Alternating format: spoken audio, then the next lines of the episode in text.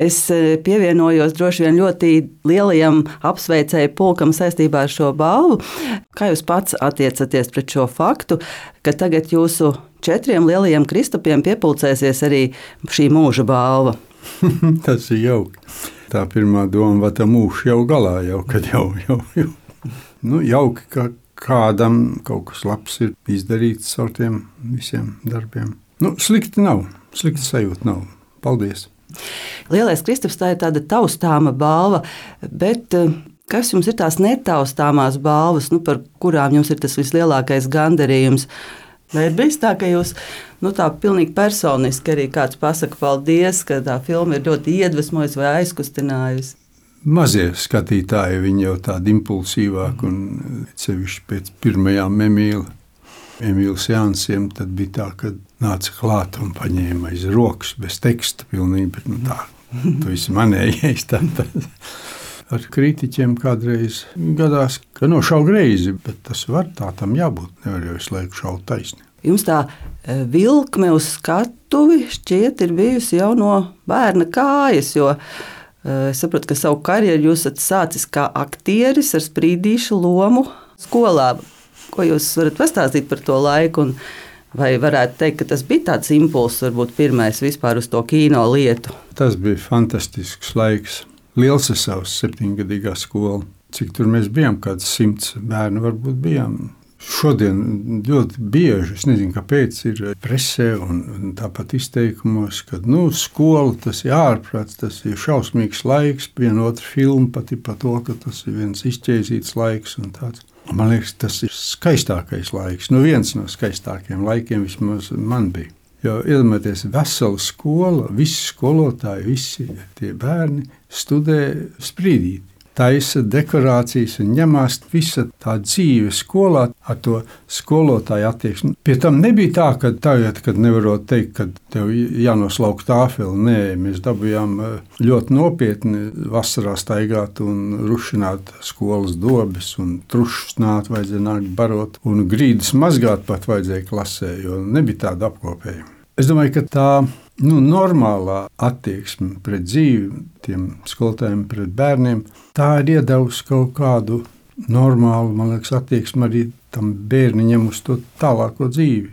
Jo arī vēlāk pārējais laiks bija Salkras vidusskolā, tad tas vispār bija fenomenāls laiks. Ko tikai mēs nedarījām, Atkal to pašu teātris spēlējām, basketbolu spēlējām, spēlējām skolas orķestrī, bērēs, kāzās un balītēs. Es nezinu, tas bija tā tāds tsunami vilnis, kas tā parāva un nekam laika nebija. Es pat smēķēt neiemācījos. Nu, Tāda nebija laika nu, kaut kam tādam. Ja.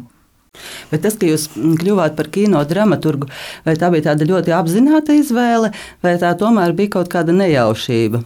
Jau pēc vidusskolas iestājos žurnālistos, bet finansiāliem dēļ es pārgāju uz neklātienu, lai varētu kaut ko strādāt un kaut ko pelnīt. Un iznāca tā, ka es aizgāju strādāt, palīdzu strādnieku uz kinostudiju. Taisījām dekorācijas. Tas noteikti arī bija viens nu, tāds mazs vilnīts, kas tā pameta. Un tad notika nākamais. Sāka filmēt filmu Nocturne 65. gadā. Kā un kāpēc, to es nezinu. Man skaties, nokļuva par klapīti. Tas ir tas, kas nosita to klakšu, klakšu. Un aizbraucām uz uh, Tjanšanu un pēc tam uz Armēniju. Un laikam tas lielākais, tas, ja tā var teikt, Indes traips bija tas periods. Un tad pēc tam Viktors Lorents, es biju kaut ko rakstījis, vai tas bija kaut kādas tās piezīmes no tiem filmēšanas laikiem, vai kas to es pat vairs neatceros. Bet viņš to bija izlasījis un meklēja man ciet, un uh, teica, nu, vecīt, jābrauc uz Maskavu. Faktiski viņa tas mudinājums bija tik neticams ja, un tik enerģisks. Uz Maskavas kino institūtu Jā. tieši studēt uh, kino dramaturgiju. Pie tam otrā kursa vidū jau. Tas bija tas visneticamākais. Nu, tā man arī bija tāda maza mistika, bet, nu, paldies Dievam, tā tas tā aizgāja. Jā, no šiem 30 kino darbiem, kuriem pašam ir tie lielākie mīlestības bērni? Visi šie cilvēciņi, kas ir kādreiz sēdējuši manas papīra lapas, un ka tagad jūs tā sakiet par to, teiksim, kuram dot saldējumu un kuram ūdeni, grūti, grūti, jo viņi tā ir tiešām kā tādas komēdijas. Bet to vēlāk var saprast. Nav jau pat svarīgi, vai tā filma ir dabūjusi Kristapu, vai viņa ir maz skatīta. Jo katrā darbā ir kaut kas, kas devis kaut ko jaunu klāt. Un arī tai bēdīgākajā ir tādas krāsas, kas bez tā darba nebūtu nu, iespējams nākošajos darbos ielikt.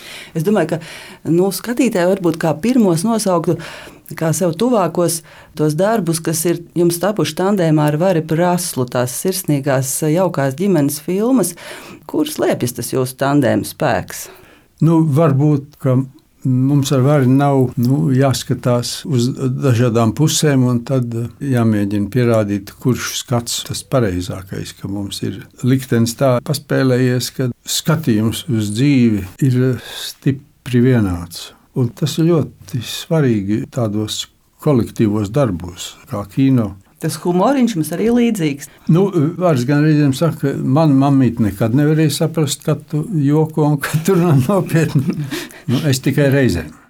Jūs eh, tiekat ļoti slavēts par tiem tādiem lieliskajiem dzīvajiem dialogiem, kur jūs tiem smeļat vielu. Vai dzīvē jūs smeļat, vai tomēr kino pieprasa tomēr citus noteikumus? Ja tev ir divi, trīs raksturi, un ja viņi ir uz pareizām sliedēm, ar normālu sirdi, tad tie dialogi, viņi tā kā līst. Tas nav vairs atkarīgs no manis. Viņus pēc tam otrreiz lasot, vai kā, tad tu redzi, ka nu, tur nu pa daudz saliets ir vai salds vai skāps. Bet tas pirmais lējiens, tas ir tāds man pašam, nu ne brīnums, bet tāda neizprotama lieta. Kā tas rodas? Kāds ja? rodas, jā. Jo ir jau noteikti arī ausis kaut ko fiksē. Jo man mazmeita gājām kad, kādus apakaļ. Bija atkusis nu, ar tādu ziemas dienu, bet kad kus un ejam garām mājai, un tur notiek caurulis galā ir pēļķi. Viņi man saka, re, māja pačurē. nu, ir tādas lietas, ko lielais nevar izdomāt. Un, ja tev ir šādi cilvēciņi apkārt, un ja tu dzirdi, ko viņi saka, tad tas kaut kur nosēžās. Un tik līdz viņš parādās kā tēls, tad nāk jau tā, ko viņš runāja. Tā kā piemēram ūdensbumba, ja? Tās bija manas meitas abas divas. Arī viņas palika vārdos, Linda un Marta. Viņas toreiz bija tieši apmēram tādā vecumā. Ja? Jā, jā. Un vai tur bija kāds uh, gadījums arī ar to ūdens bumbu? Tas arī kaut kāds reāls gadījums. Jā. Arī ar meitām? Nē, tas bija, tas bija ar citiem. Bet, uh, Kaut kas no jūsu bērnības? Mm -hmm. Nu, tas bija uh, mīlestības mokas tādas. Jo tādā mājā, kur mēs dzīvojam, otrā stāvā dzīvoja viena mana klases biedrene. Tur bija iemaisīts sprīdīts. Un viņa bija, man liekas, lienīte. Bet, Atkal tas sprīdītis. jā, jā, un nu, mums bija kaut kādas vai domstarpības vai kas, un, un viņi no augšas man uzmeta Nu, tas nebija tāds speciāli no papīra izveidots, tā kastīte. Tāda. Nu, cits materiāls tas Jā. bija, bet nu, izšķīda labi. Bērni un mazbērni jums ir devuši laikam arī impulsus arī kādām idejām. Laikam Emīļa nedarba arī pateicoties meitai ir tapuši. Jā, jā. Viņa teica, kāpēc šī tā nav filma? Viņa bija izlasījusi to. Jā. Jo tad viņi sāka tulkot pa gabaliņiem, bija divas vai trīs grāmatiņas, tādas plānas Jā, redzēt, kā ar Emīlu mums izgāja tāds atkal joks. Nu, toreiz padomu valsts jau nemaksāja nekādas tās autornaudas Lingrēnai. Un uztaisījām filmiņu un viss un aizgāja. Un tagad 91. gadā mēs aizrakstījām Lingrēnai, vai viņi negrib redzēt filmu. Jo viņi ir uztaisījuši pašu seriālu par Emīlu un diezgan skumju. Nu, ne skumju, vēl kāds, var teikt, tā vēl kāds pišķiņš, tāds garlaicības momentiņš. Un, eh, vai mēs varam viņai eh, samaksāt tagad kaut kādu naudu par to vai tā? Viņa atbild, ka labprāt filmu apstīšos, bet uh, visas manas autortiesības ir Zviedru filmu institūtam. Tā kā jums jāvēršas pie viņiem. Tā mēs aizsūtījām viņai filmu un arī tam filmu institūtam. Viņa atrakstīja, ka ļoti patikusi filma ir un ka gaida atbildi no filmu institūta. Nu, nenāca, nenāca tāda bilde, tad mēs aizrakstījām vēlreiz to filmu. Un bija atbilde tāda, mums nav vajadzīga konkurence ar mūsu filmu. Viss. Tā kā mēs nu, nevaram izplatīt tādu tādu tādu. Nē, nē, nav vajadzīgs. Tā kā viņi laikam tā jūta, ka tas varētu būt kaut kas savādāks nekā tas. Cik jūs vispār ikdienā daudz skatāties kino un vai sekojat līdzi notiekošajam Latvijas kino? Nevar teikt, ka daudz. Jo vienu brīdi bija tāds periods, kad tās filmas bija jocīgas. Varbūt jocīgas es biju. Man liekas, mums nekāda dzirkstele nešķīlās. Tagad situācija mainījusies. Ir. Jā, man liekas, ka šā brīža labākā filma ir tā krimināllieta iesācējuma. Tā ir viena no retajām filmām, kad tu saproti, kur tu dzīvo, kāpēc tu tā dzīvo, un vai ir cerības, ka tu dzīvos savādāk. Jo tas viss, mākslinieks, pelēkais, viņš jau no tiem gadiem ir pārvilcies vēl līdz šai dienai. Ļoti daudz dīvainības notiek. Nu, ir svarīgi, lai pēc tā darba vai nu tu smejies kā traks, vai atkal gluži otrādi raudi, skrien indēties, vai arī domā, domā tādas nopietnas domas, kā, uz kurien, kā tālāk. Tādā ziņā Armanda filma ir, ir laba. Jums pašam arī sadarbībā ar Pēteri Krilovu ir bijusi filma par tādiem ļoti skarbiem vēstures notikumiem. Arī šie pēdējie darbi Valmieras teātrī kopā ar Vari Braslu, nu arī par tādiem vēstures pagrieziena punktiem. Kā jūs vispār uz šo laiku raugāties, uz to, kas šobrīd notiek pasaulē, Latvijā? Jā. Nesen bija, nu jau gan kādu laiku nesen, tā informācija, kad jāceļ algas ir ministriem, deputātiem, visai šai ļaužu kopai. Jo, ja necels, viņi ies prom. Vai tā nav katastrofa? Tad? Ja cilvēkam vajag kaut kādu summu, lai viņš cīnītos un celtu to Latviju, tas ir pilnīgs absurds kaut kāds. Šī frāze man ļoti dīvains pārdoms radīja, ka es nevaru strādāt ar tādu algu, normāli strādāt. Tad ej prom, vispār ej prom. Šī naudas tāda vara vai garša ir primārā. Tā pašā noktirnē, kad strādājām, mēs faktiski nu, strādājam pa velti tur. Jo mūs interesēja tas. Nāc, ka bija stāvoklis. Ja tu negribi braukt mājā un strādās cits, pat prātā neienāca, ka tu varētu teikt, nē, maksājiet man vairāk. Nu, tie nav gluži salīdzināmi, ja?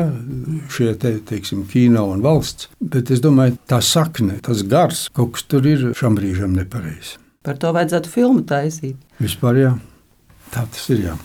Jā, vispār, nu, ja būtu tāda iespēja, par ko jūs vēlētos veidot filmu šobrīd? Turpināt to Armānda iesākto, kas ir katram šī zemīte, kur mēs dzīvojam. Kur mēs jau ļoti tīru valodu jau nedzirdam vairs. Vilcienā, kad brauc, klausies, jauniešu starpā tas ir 50 uz 50, angļu, latviešu. Tas tā kā viņi būtu ciemos te atbraukuši. Kurā brīdī tas ir izslīdējis, tas Latvijas pamats, tā Latvijas zemīte? Kādā žanrā jūs redzat to? Tā būtu drāma, tā būtu traģikomēdija.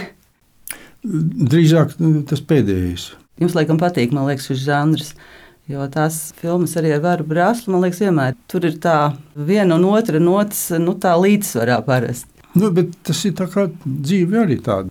Jāatceras, man viena tanti glabāja kapos. Un uznāca briesmīgas lietas, nu, briesmīgas lietas. Un tas bija zemgale, un tur ir mākslas ļoti daudz. Viņu cilvēks viņu ielaida iekšā ar visu zārku tur. Bet aprakt nevar, jo līdz tā kā viss slēpās kaut kur. Un nu viens ieraudzīja, ka tā lāpsta kritīs. Tūlīt gāzīsies, izskalos tā zeme un iekritīs zārka iekšā. Skrēja pēc tās lāpstas un pats ar visu to lāpstu bedrē iekšā un zārka virsū.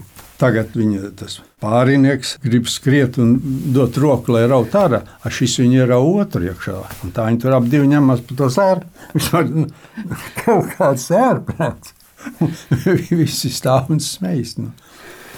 Tā arī dzīve. Nu. Būtu filmā, mēs varbūt teiktu, ka tā nevar būt. Jā, tas ir nu, nu, jau izdomājuši. Ne, ne, jau. Paldies jums par sarunu un tad uz tikšanos februārī Lielā Kristapa balvu pasniegšanas ceremonijā. Labi. Paldies!